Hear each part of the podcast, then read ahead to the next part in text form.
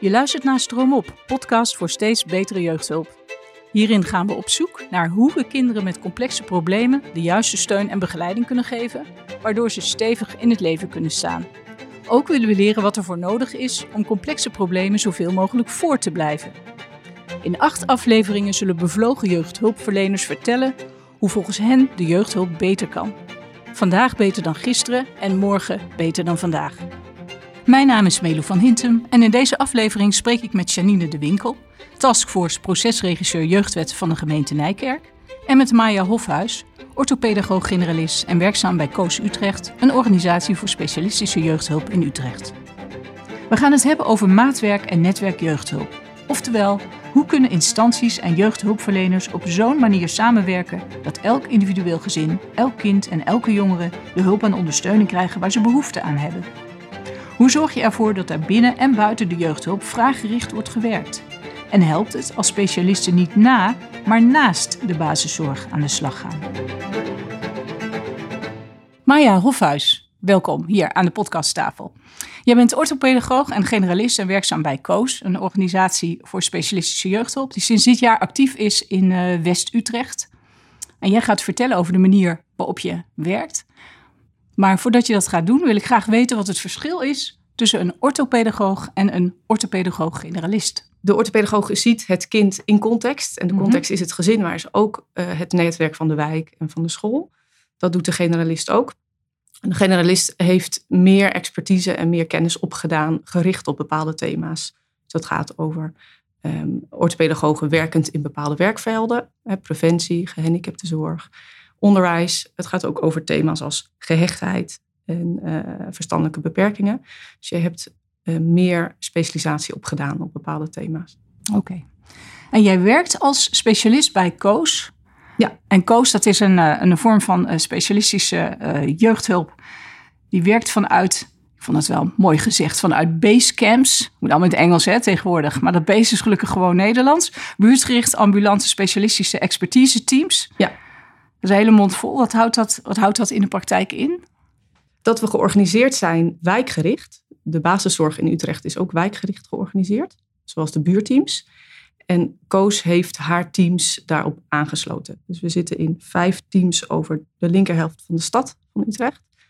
Uh, net zo ingericht als dat de buurteams dat zijn.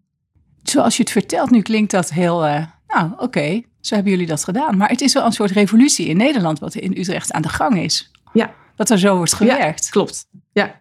ja, het is anders, anders werken, omdat je aanvullend werkt op dat wat de basiszorg doet. En omdat je georganiseerd bent in dezelfde wijk. En je bent een team naast de basiszorg. Zit je dicht op elkaar. En ben je, zie je veel dezelfde mensen, ben je veel met elkaar in de wijk aan het samenwerken. Want hoe werkt dat dan? Want wat we eigenlijk kennen is, uh, een kind heeft een probleem en die komt dan eerst, uh, afhankelijk van de leeftijd, wordt dat gezien op het consultatiebureau of op kinderdagverblijf of school, de huisarts. Nou, nee, ja, dat is wel een ingewikkeld probleem. Dus het kind wordt doorverwezen naar iemand die er wat meer verstand van heeft. Nou, die weet het ook niet precies, dus het kind wordt nog verder doorverwezen. Hoe gaat dat dan bij jullie? Want je staat dus naast die basiszorg en niet daarachter. Ja, we doen het met elkaar. Ja, als je zorgen hebt over je kind, of als er zorgen zijn over een gezin, dan kan je, ga je naar de huisarts of naar je uh, consultatiebureau hè, of naar een buurteam. En in die basiszorg gaan ze met je in gesprek, met het gezin in gesprek, over de vraag die ze hebben. En vervolgens kijken we met elkaar wat we daarin kunnen betekenen voor hun. En soms is dat iets uit de basiszorg en soms vullen wij aan. En als je dan zegt met elkaar, betekent dat dat jullie regelmatig overleggen hebben, casusbesprekingen? Of hoe ziet dat, hoe ziet dat met elkaar er dan zeg maar, heel concreet uit? Want je kunt, ik kan me ook voorstellen dat een huisarts kan ook iemand opbellen of zo. Hè? Maar, maar, maar zo werkt het dan niet helemaal, denk ik, als jullie heel dicht op elkaar werken. Ja, ook. Het gaat over samenwerken in gezinnen en met gezinnen. Het gaat ook over consultatie. Hè? Dus dat de basiszorg, de mensen vanuit de basiszorg, een basecamp coach kunnen opbellen om mee te denken anoniem of participerend. Dat kan ook, dat is ook een mogelijkheid. Maar je doet het steeds met elkaar en elke keer is het weer wat anders hoe je het gaat vormgeven. Hoe was dat dan voor jou om op zo'n manier te gaan werken? Een verademing. Een verademing. Ja, ja het is heel fijn. Ik, um, het is heel fijn dat je de huisartsen de intern begeleiders, de buurtinmedewerkers, de gezinsvoogden, leerplichtambtenaren, dat je die kent. Want die zijn ook wijkgericht georganiseerd in Utrecht. Dus je belt niet een voordeur van een buurteam, maar je weet welke collega van het buurteam met je mee kan denken rondom deze vraag. En andersom. Dus dat is fijn. Het is fijn om ehm, nou, steeds dezelfde mensen tegen te komen in de wijk en het met elkaar te doen. En wat voor effect heeft dat uh, op de hulp die je biedt voor de mensen? Wat merken die mensen ervan dat het nu op zo'n manier is georganiseerd? Dat het sneller gaat. Dat het sneller gaat. En dat hun vraag centraal staat. En dat je allemaal weet wat er mogelijkheden zijn in de wijk. En je weet van elkaar wat je kan en wat je niet kan. Dus het gaat daarmee sneller en ik denk ook meer op maat. Je zegt dat hun vraag centraal staat. Nou hoor ik dat heel vaak. Hè? Overal, de patiënt staat centraal, de cliënt staat centraal, de vraag staat centraal. Hoe maken jullie dat echt waar, dat dat zo is? Nou, misschien wel op wat je net aangeeft, dat je elkaar kent in die wijk. Dus daar waar een gezin een vraag stelt, hè, zorgen heeft over de opvoeding of, of over de, ontwikkeling van hun kind, daar kennen wij de omgeving en de mogelijkheden van die wijk. Uh, en weten we ook welke collega's we daarvoor kunnen meevragen. Je kent ook de logopedist en de kinderfysio en de diëtist. En je, je, weet, je kent de mogelijkheden. En betekent dat misschien ook als je echt die vraag centraal stelt, dat jullie wat flexibeler zijn in je manier van werken? Juist, ja. Zeker. Ook niet per se van 9 tot 5. Als je om 5 over 5 een probleem hebt, dan is het toch echt heel jammer voor je? Nee.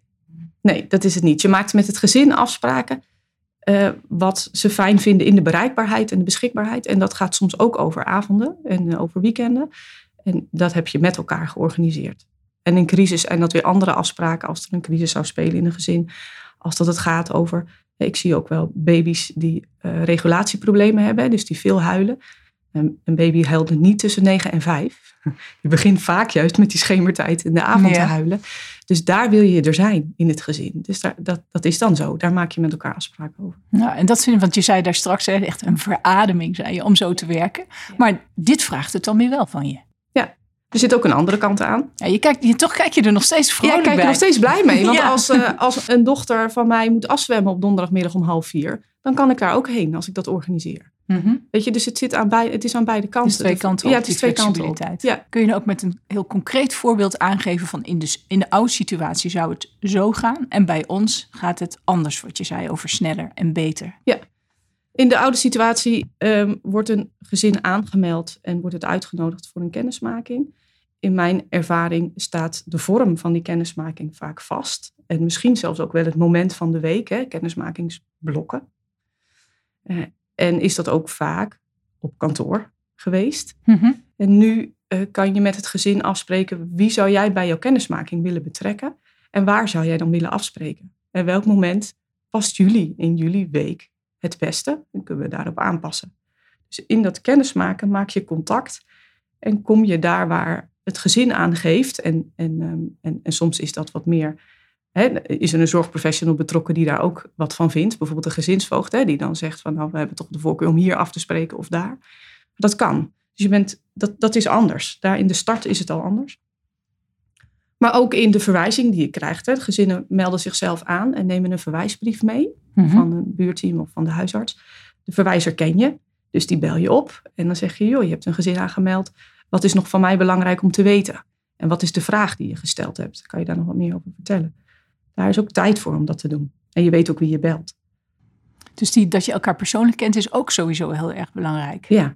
Want dat bevordert misschien ook het vertrouwen ja. in elkaar. Ja. En je moet natuurlijk ook kennis met elkaar delen. Tegenwoordig is dat niet altijd heel eenvoudig door allerlei wetgeving die daar rondomheen zit. Heb je het idee dat dat nu ook wat makkelijker gaat? Dat mensen minder bang zijn dat ze bijvoorbeeld, ja, maar dit mag ik aan jou niet vertellen, want dat is, van de, dat is de, de privacy van de cliënt. Gaat dat ook makkelijker om informatie uit te wisselen, waardoor je sneller kunt handelen en schakelen? Nou, in die zin makkelijker. Het, het zijn vertrouwen. Het is een netwerk gebaseerd ook op vertrouwen. Maar er gelden natuurlijk nog steeds de regels van de beroepscode. Ik kan niet zonder toestemming informatie opvragen bij de huisarts, ook al ken ik die huisarts. dus daarin is er mm niks anders. Maar omdat je elkaar kent, omdat het contact leggen makkelijker gaat, gaat het wel sneller.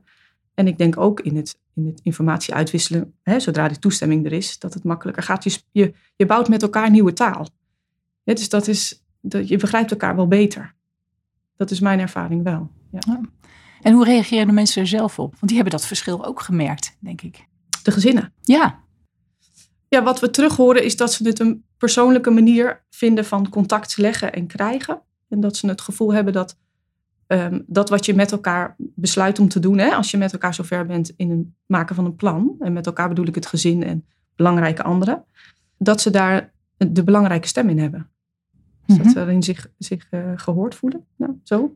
En hebben ze ook het gevoel dat problemen op de juiste manier geadresseerd worden? Zeg maar dat je als een, nou, ik noem maar wat, als een kind een, een gedragsprobleem heeft, kan je naar het gedragsprobleem kijken. Maar wat je zei, je kunt ook naar de context kijken. Ja. En dan is er misschien bijvoorbeeld heel stress, veel stress bij ouders omdat ze schulden hebben of al langer werkloos zijn of een, een ander soort probleem. Ja. En dat daar ook meteen naar wordt gekeken. Ja, ik ervaar de aanmeldvraag vaak als anders dan de vraag waarmee je uiteindelijk een plan met elkaar maakt. Oh ja? Dus de vraag bij aanmelding die de verwijzer stelt, of de hulpvraag die de verwijzer aangeeft, of het gezin. Als je de tijd krijgt om daarover met elkaar in gesprek te gaan, is mijn ervaring dat er vaak een andere vraag ontstaat.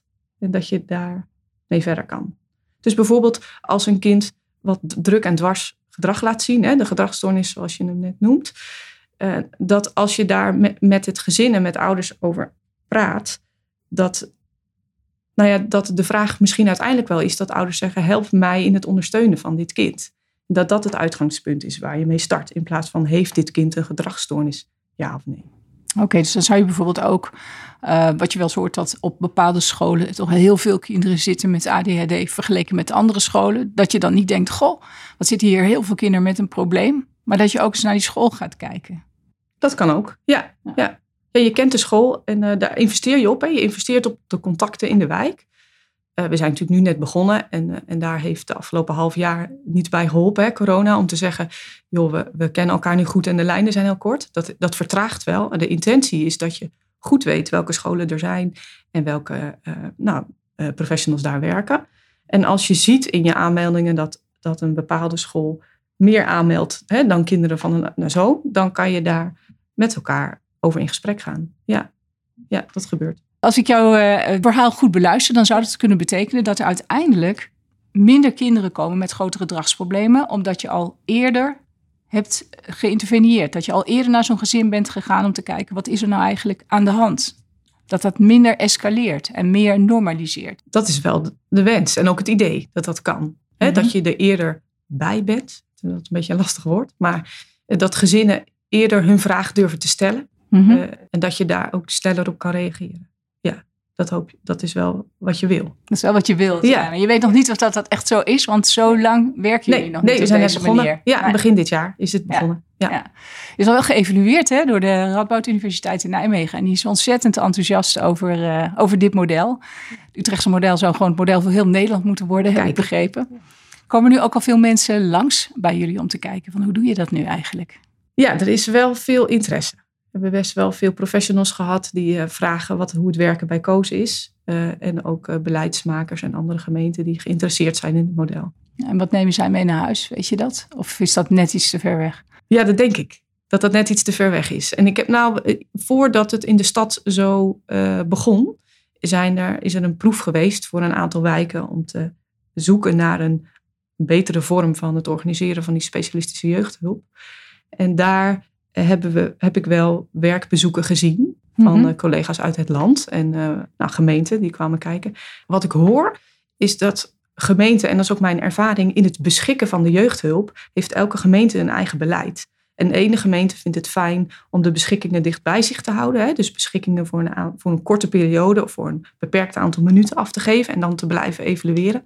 En de gemeente Utrecht kiest ervoor om te beschikken zonder duur en zonder einddatum. Dat is gewoon een lump sum die erin wordt gestoken en daar gaan jullie Ja. voor aan te werk. Ja, en wij Ja. als professionals gaan dan invullingen aangeven met het vertrouwen dat het zo, zo lang duurt en zo kort duurt als nodig, zeg maar.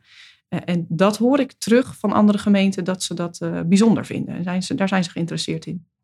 Ja, om te weten of dat ook echt werkt. Ja. Als je nou aan, aan je collega jeugdhulpverleners in andere gemeentes eh, zou moeten vertellen wat je, wat, waarom zij ook zo zouden moeten gaan werken, wat springt er dan echt voor jou uit?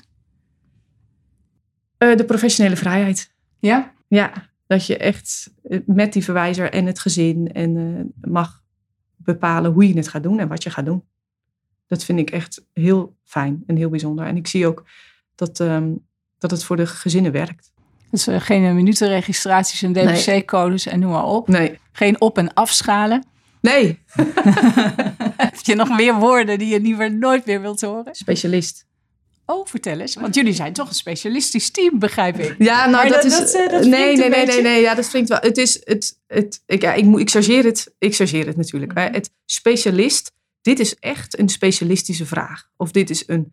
eh, hier, hier moet een specialist in meekijken. Dat vind ik een lastige term. Want ik denk dat het voor iedereen wat anders kan betekenen. Mhm. en, en wat binnen de vraag is dan dat specialistische?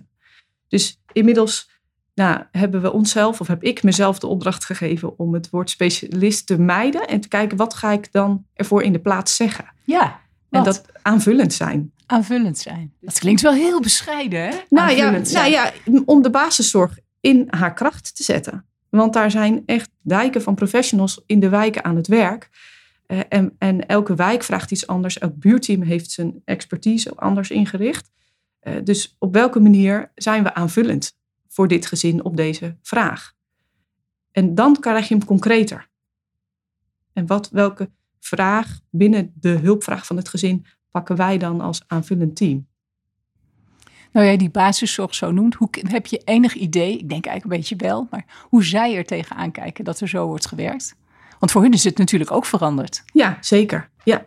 Ik weet het niet zo goed voor de wijken waar ik vanaf begin dit jaar in werk. Want dat, heeft gewoon, dat is tekort, zeg maar. Mhm. Da- daarvoor merk je ook, het nieuwe manier van werken is ook even onrustig en ineens anders. Hè? Ja, door die corona en zo. Ja, ook. En ehm, voor de periode van de pilot, de jaren daarvoor, wat ik daar begrepen heb van het buurteam, is dat ze het heel fijn vinden dat ze de professionals kennen die ze bij hun gezinnen betrekken. Op het moment dat zij zeggen, joh, ik vind het fijn als een, eh, een, eh, het aanvullende team meedenkt in deze vraag, dan weten ze ook gelijk wie van dat aanvullende team ze willen bellen. Want ze kennen degene met welke expertise. En wil je eens meedenken of wil je eens meegaan naar het gezin. Ik heb daar teruggehoord van het buurteam dat ze het heel fijn vonden. Dus eigenlijk heb je me nu, ons allemaal nu, een hele win-win-win situatie verteld. Ja, toch? Ik denk het wel. Ja. Dankjewel. Janine, Janine de Winkel. Jij bent projectleider eh, Taskforce Jeugd voor de gemeente Nijkerk. Kan jij kort vertellen wat de kern is van je werk? Nou, de kern van mijn werk is zorgen dat alle jeugdigen en kinderen en jongeren in Nijkerk passende zorg krijgen. Wat we tegenwoordig eh, heel erg merken, en eh, nee, dat is niet alleen in Nijkerk, maar dat is eigenlijk eh, landelijk, is dat er ehm, heel veel zorgpakketten zijn of productcodes zijn met een bepaald zorgaanbod. En wat wij nu heel erg aan het doen is, wat is nou de werkelijke zorgvraag? En soms heb je bij een werkelijke zorgvraag heb je een beetje van deze productcode nodig, een beetje van de andere productcode nodig. En ja, dat moet je dan vinden bij een organisatie. En eh, dat betekent ook dat je soms met organisatie in gesprek moet gaan van, eh, kunnen jullie dit bieden? Dit is de vraag, hè? echt de werkelijke zorgvraag. Kan je dat concreet maken van de ene organisatie de andere? Kan je het met een voorbeeld laten zien waar, waar het dan bijvoorbeeld in de praktijk om gaat? Nou, we hadden op een gegeven moment een eh jonge man, die zat in een eh, crisissituatie, Jonge man is hoe oud? 14 jaar. 14 jaar. En die had veel medische zorg nodig. En een verstandelijke beperking, een gedragscomponent. En eigenlijk ging het niet zo goed thuis. Dus ik kon niet meer, echt niet meer in de thuissituatie blijven. Gedragscomponent, even voor mijn begrip, betekent hij was vervelend. Nou, de, fysiek vervelend. Niet fysiek vervelend Dat vind ik echt, echt gedragscomponent. eh, Mhm. Waarvan ik denk van ja, weet je, eh, echt het aanvallen van de ouder tot eh, eh, zijn omgeving. En eh, nou, we hadden hem tijdelijk in een pleeggezin. Op dat moment was er acuut gevaar in zijn eigen thuissituatie. Nou, toen ben ik aan de slag gegaan van, nou oké, welke zorgaanbieder wil deze zorg leveren? Ja, nee, dat kan niet, want wij kunnen alleen het medische stukje. Oh, dat kan niet, wij doen alleen de verstandelijke handicap. En ja, nee, maar er zit ook te veel gedragsproblemen in. Die kan ook niet zomaar op deze groep. En ik geloof, eh, ik had echt een deadline. Ik had eh, nog twee dagen de tijd. En, eh, Want ik- anders nou ja, dan zou deze jonge man weer op straat staan. Op er was staan. gewoon geen, Ja, ja. waren gewoon in heel Nederland geen plekken Mhm. waar deze jonge man eigenlijk op dat moment terecht kon. En eh, ja, dan is het soms inderdaad stoute schoenen aantrekken. Oké, eh, organisatie A, jullie leveren heel goed medisch stuk. Zouden jullie dat willen doen? En wil organisatie B bijvoorbeeld het stukje rondom de verstandelijke beperking en het gedrag willen leveren? op de locatie van zorgverlener A. Dus dat je een soort aanbod creëert. Puur wat deze jongen nodig had. En, ik, en daar heb ik nog niet eens gekeken naar de financiering, maar is dat mogelijk? Ik kijk nooit eerst naar de eh, financiering. Ik, krijg eerst, ik kijk altijd eerst, wat is er eigenlijk nodig? Binnen ik denk eigenlijk dat, dat ze zeggen, nou ja, dat is eigenlijk ontzettend logisch. Dat gaan we meteen doen. Nou, heel vaak uh, hoor ik dan van, ja nee, ja Janine, dat kan niet, want uh, um, het past niet in ons financieringssysteem. Hè? Uh, organisaties werken met productcodes, gemeentes werken met productcodes. Nou, in deze casus zat er ook nog een WLZ-indicatie bij. Van ja, wie is er dan verantwoordelijk? En dat is dan een heel gesteggel. Alleen maar om uh, zaken eromheen, om de financiering eromheen, wie de verantwoordelijke is. Waarvan we op een gegeven moment zeiden, ook binnen Nijkerk, van oké, wij nemen de verantwoording, hoe dan ook, ook met de financiering. wij kijken later wel hoe we dit op gaan lossen met elkaar. Maar deze jongen die moet een veilige dak boven het hoofd hebben. Veilige mensen om zich heen die om hem kunnen bekommeren. Dit is eigenlijk, als je het zo vertelt, moet ik denken aan wat de, de ombudsman zijn uh, nationale ombudsman in zijn rapport Blijvende Zorg heeft uh, geschreven. Dat is half september is dat uitgekomen. En die heeft het dan over het hokjes en potjes denken, dat nog steeds iedereen eh, in de weg zit. Dat, dat, dat, is, dat is hier dan wel een heel, dit is wel een heel goed voorbeeld ervan, wat jij nu geeft. Nou ja, ik denk dat het gewoon landelijk nog steeds echt een groot probleem is. Ja, dat bedoelde hij ook. Want is, landelijk. is het dan bijvoorbeeld hè, eh, WMO-wet of jeugdwet of welke productcode of waar hebben we het over? Nee, we hebben het nog steeds over het kind zelf. We hebben het over een Michael of over een Sander of, of wie dan ook. En als we daar dan puur naar kijken, dan moeten we het eigenlijk helemaal niet over die potjes hebben. Het helpt wel om het concreet te maken. Dan krijg je toch wat deuren open die anders gesloten blijven. Is dat in jouw geval ook zo? Nou ja, ik, ik ben eigenlijk diegene die uh, uh, alles die deuren open. Ik het concreet maak en uh, ik doe niet aan hokjes. Uh, mensen zijn niet altijd even blij met mij. Maar ik moet ook heel eerlijk zeggen dat als ik nu soms organisaties bel van ja, ik weet dat jullie dit niet leveren. Of ik weet dat het allemaal anders werkt bij jullie. Maar willen jullie meedenken hoe we dit wel kunnen doen? Hè? Dat is uh, bijvoorbeeld een moeder en kind. Um, er was een crisissituatie. Uh, moeder en kind moesten eigenlijk opgevangen worden. En uh, nou, moeder- en kindhuis. Nou, een landelijk. ik geloof dat we twee dagen bezig zijn geweest. Ook regionaal en ook met ondersteuning van de VNG. Om daar de juiste plek voor te zoeken. En um, wat ik dan bijvoorbeeld doe vanuit mijn rol is, nou oké, we gaan niks reguliers doen, want eigenlijk is dat ook niet nodig. Ik ga een pleegzorgorganisatie bellen. Van, kunnen jullie tijdelijk zowel moeder en kind opvangen in plaats van alleen het kind? Mm -hmm. En uh, met deze doelen daaraan werken. Jullie krijgen er allemaal extra ondersteuning bij. Maar zou dat mogelijk zijn? Waar uh, eerst instantie organisatie van ja, weet je, we, krijgen maar zoveel uh, euro per uur hè, op die productcode. Nee, we doen niet aan productcodes, wil ik niet over hebben. Ik wil het over hebben, kan het?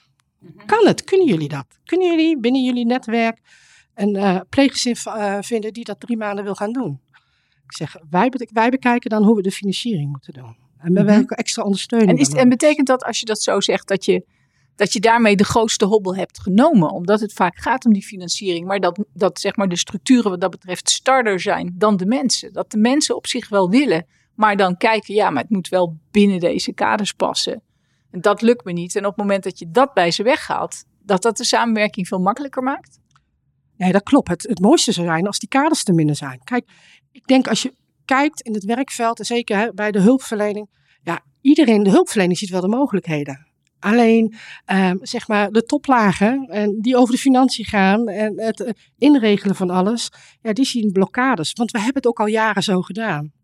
Met deze uitspraak, daar kan ik helemaal niks mee. Ik zeg, nou, dan wordt het tijd om te veranderen. En dan zit, ja, weet je, soms dan zit ze ook je aan te kijken. Ja, misschien je stelt altijd lastige vragen.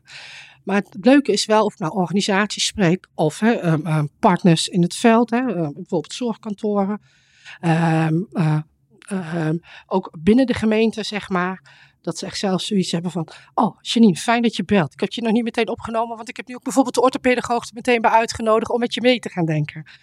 Dit zijn mogelijkheden. En zo krijg ik ook vaak uh, uh, nou ja, complexe casussen, noemen ze dat. Hè? Uh, waar ze echt juist zoeken naar maatwerk. Dan merk je ook dat ze ook steeds vaker naar mij gaan bellen, andersom. Van ja, Janine, wil jij eens meedenken? Wij lopen hier echt vast. Dus je ziet eigenlijk wel voldoende zeg maar, potentie, voldoende mogelijkheden om mensen een andere houding, een andere mindset te geven en op een andere manier tegen de problemen aan te kijken. En, en tegen het zoeken naar oplossingen. Nou ja, dat, dat gaat Om nu wat meer beter. out of the box te denken. Ja. Om even een modeterm erin te Ja. gooien. Als ik dan nu kijk, zeker het laatste half jaar, of nou ja, ja het laatste half jaar en dan ook coronatijd, hè, daar, daar had ik juist heel veel van deze out-of-the-box oplossingen nodig. En ehm, dan zie je dat steeds meer organisaties dit ook willen doen. Oh, dat heeft geholpen, Dat denk je? Nou, nee, daarvoor al, want ik ben al langer bezig. Ja, ja, maar omdat je echt zo die coronatijd... Er jongens, natuurlijk heel veel dingen op zijn ik heb hè, nu, dus misschien ja, helpt en ik denk beetje. ook, weet je, dat heeft ook zijn goede dingen meegenomen. Hè? Dat is net als van, eh, een voorbeeld is, eh, we zijn ook heel erg aan het kijken naar het positieve netwerk van kinderen. Wat, wat kunnen die doen als ouders overbelast zijn? En daar zit vaak zoveel meer potentie in, maar we eigenlijk soms alleen al gewend zijn. Oh, laten we dan maar logeeropvang doen. Mhm. En dat betekent ook dat je soms met... En eh, denk je dan aan familie of buren of vriendjes? Of, of wat, wat is het positieve netwerk? Nou ja, dat, dat kan eigenlijk eh, familie zijn, kunnen buren zijn, eh, dat kan een kerkgemeenschap zijn. Ja, eigenlijk geen professioneel netwerk, zeg ik dan altijd. Nijkerk werken we bijvoorbeeld ook met buurtgezinnen. Dus dan is, zijn het is niet eens familie van elkaar, zijn niet Wat eens is, een, van wat is dat, een buurtgezin? Een buurtgezin is eigenlijk een gezin die bijvoorbeeld tijdelijk, hè, over één of eh, twee dagen, een eh, eh, ander gezin ontlast met opvang van Oh, kinderen. Ja, ja, ja. En, eh, of na schooltijd. Of eh, nou, af en toe een weekend slapen. Dus dat, dat zou, eh, ja, dat doen zij dan ook. En dat is ook vaak nog, die worden wel eh, ondersteund. Maar dat is dus wel iets anders en wat vrijblijvender als een pleeggezin. Jij kunt nu allerlei voorbeelden vertellen van hoe je het hebt aangepakt en hoe dat ook echt tot resultaat heeft geleid en hoe je mensen hebt kunnen aanzetten om er anders tegenaan te kijken en, en ook nou ja, beter te handelen, om het even zo te zeggen, het, het, het goede te doen. Eh, hoe zou je ervoor kunnen zorgen dat, eh, dat ze niet alleen jou daarvoor weten te vinden, maar ook dat andere mensen hetzelfde kunnen bereiken als jij? Ja, ik denk dat het vooral delen, een moment vinden van delen van de kennis. Hè? En dat zijn eh, nou, via bijeenkomsten. Eh, maar ook, wat ook ge- gewoon heel goed helpt, eh, merk ik zelf, is eigenlijk met je partners in je hele werkveld. Hè? Dat kunnen zorgorganisaties zijn. Dat kan je collega-gemeentes zijn waar je de dingen mee deelt. Dat kan ehm, met de VNG eh, waar je dingen mee deelt. Ehm, hele mooie projecten die je deelt met elkaar. De voorbeelden noemen, elkaar meenemen. Een goed voorbeeld is, ik werd betrokken bij een complex eh, gezin. En daar zaten twee kinderen in. En toen werd er gebeld, ja Janine, ik heb twee eh, plekken nodig voor kinderen uit huis te plaatsen. Ik zeg, ja, maar hoe zit dat dan? Ik zeg, eh, wat, wat hebben we nodig om die kinderen te laten zitten waar ze zitten? Het bleek dat een van de ouders het op dat moment heel erg zwaar, wa- eh, zwaar had. veel psychische klachten had. Dat we op een gegeven moment zeiden, maar voor wie doen we dit nu? Hè? Doen we dit voor de ouder? Helpen we daar de ouder mee? Maar wat is nou van belang voor het kind? Ja, eigenlijk beter het kind gewoon thuis laten zitten. Kan gewoon naar school. Moeder daarbij onder te steunen. Maar in dit geval wel dat de vader, eh, dat de vader even tijdelijk weggaat. Nou, dan gaan we dat regelen. Dus we hebben op een gegeven moment geregeld dat we het- de kinderen gewoon binnen het gezin eh, eh, bleven. En dat we een vader de mogelijkheid boden om op een andere plek drie maanden te verblijven. Ehm, ehm, zodat er rust kwam, hè? zowel bij de vader als bij, binnen het gezin.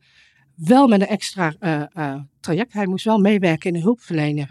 In plaats van dat we zeggen, ja, hoe gaan de kinderen weer naar huis? Hebben we gezegd, hoe gaat de ouder weer naar huis? Dus zo zijn we, hebben we hem omgedraaid. En eh, ja, dat betekent bijvoorbeeld dat die ouder, die kan ehm, eh, niet nog een keer een extra vakantiehuis of een andere extra huurwoning eh, eh, huren. Daar hebben ze vaak de financiën niet voor. Waarvan dan, dat wij dan op een gegeven moment hebben gezegd, oké, inderdaad, hier hebben wij geen potje voor, hier hebben we geen productcode voor, maar wij betalen toch het gedeelte van hè, eh, eh, de woninghuur in voor deze drie maanden tijd, wat de ouders zelf niet op kunnen brengen. En je geeft daar zoveel rust mee. En dan kan je zeggen van ja, weet je Janine, waar moeten we dat geld dan weer vandaan halen? Zeg, ja, dat klopt. Past niet in de productcode. En waar haal je het geld dan uiteindelijk vandaan? Als ik dan even een begroting naast elkaar neerleg. Ik ben voor, als ik de kinderen uit huis zou halen, ben ik per maand, ehm lig ik niet 14.000 euro per maand kwijt. 14.000 14.000 euro. voor. Voor twee kinderen, Twee kinderen, die dan ja. ook, eh, nou, die hadden wel een extra zorgvraag. Dus die konden ook niet naar een pleeggezin. Ben ik 14.000 euro Ik geloof kwijt. ik hem aanvoel komen, vertellen maar. Ja. Als ik nu met de. eh eh wij moesten er, geloof ik, iets van eh, eh, eh, 400 euro extra bijleggen voor de huisvesting van de vader. Dat is 400 euro. Daarbij komt er nog wel steeds een hulpverleningstraject in. Nou, die zaten we op 4000 euro hè, per maand. Dus ik, zou, ik zit dan nu op de 4400 euro. Ik lever beter zorg. En zowel voor de, hè, voor de vader, maar vooral ook voor de jeugdigen. Die konden gewoon in de buurt blijven, met vriendjes spelen. In plaats van dat ze en uit elkaar getrokken worden, ergens in het land geplaatst gaan worden. Nou, als ik het wel, die uithuisplaatsing had gedaan, was ik, nou, zeg 12.000 euro kwijt geweest. Mhm.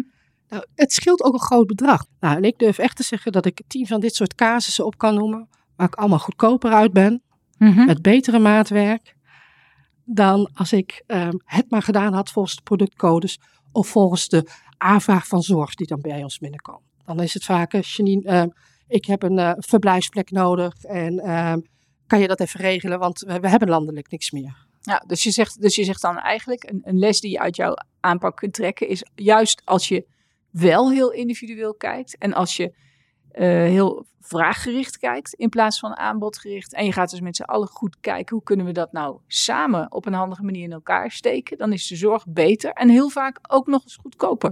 Nou ja, kijk, hoe mooi is het dat je dan als eh, ehm, ook zorgaanbieders soms zegt van, ja, dit is onze toko. Ja, maar ik heb behalve hè, jullie kennis al op eh, ehm, LVB, hè, lichtverstandelijke beperkingen en gedrag, eh, zitten we ook nog met een verslavingsprobleem. Ik zeg, nou, ik heb hier twee organisaties. Ik maak samen nou eens een plan wat past juist bij deze zorgvraag van dit kind. Kijk, weet allemaal prima wat jullie hè, kunnen leveren, maar hoe kunnen jullie dit dan samen doen? En daar komen vaak hele eh, goede ideeën uit. Dit is denk ik het transformatie eh, waar we met z'n allen en samen mee moeten doen. Dus samen betekent gemeentes, eh, zorgkantoren, zorgorganisaties, maar ook met de ouders zelf. En, met de, kinderen denk ik toch? Ja, kinderen. Ik, ik vind kinderen vind ik een- die horen daarbij. Ik denk dat dat nog wel eens vergeten wordt. Dat we vaak over de kinderen hebben dan praten met de kinderen. Mhm. Over de ouders gebeurt het gebeurt al vaak, over de kinderen misschien nog wel vaker dan met de kinderen. Ja, ik, ik denk dat dat nog wel vaak het grootste probleem is. Want dan willen of de ouders willen erbij zijn. Eh, bijvoorbeeld een ouder die gaat naar eh, eh, de huisarts toe en die vertelt ja. en de zoontje gaat wel mee en maakt niet uit welke leeftijd dat is. Ja, dit, dit is het probleem. Hij is druk, hij knijpt heel veel, hè, zijn zusje en, en op school slaat hij heel veel. En vanuit die informatie wordt dan soms een vervolgtraject ingezet. Terwijl ik denk, we moeten eigenlijk eerst het gesprek hebben met het kind. Waar komt het vandaan? En dan gaan kijken, wat voor vervolgtraject is er nodig, als het überhaupt nodig is. Iedereen weet jou nu te vinden. Eén Janine. Hoe krijgen we nu duizend Janines? Ik denk dat er in het werkveld meer dan duizenden Janines zijn.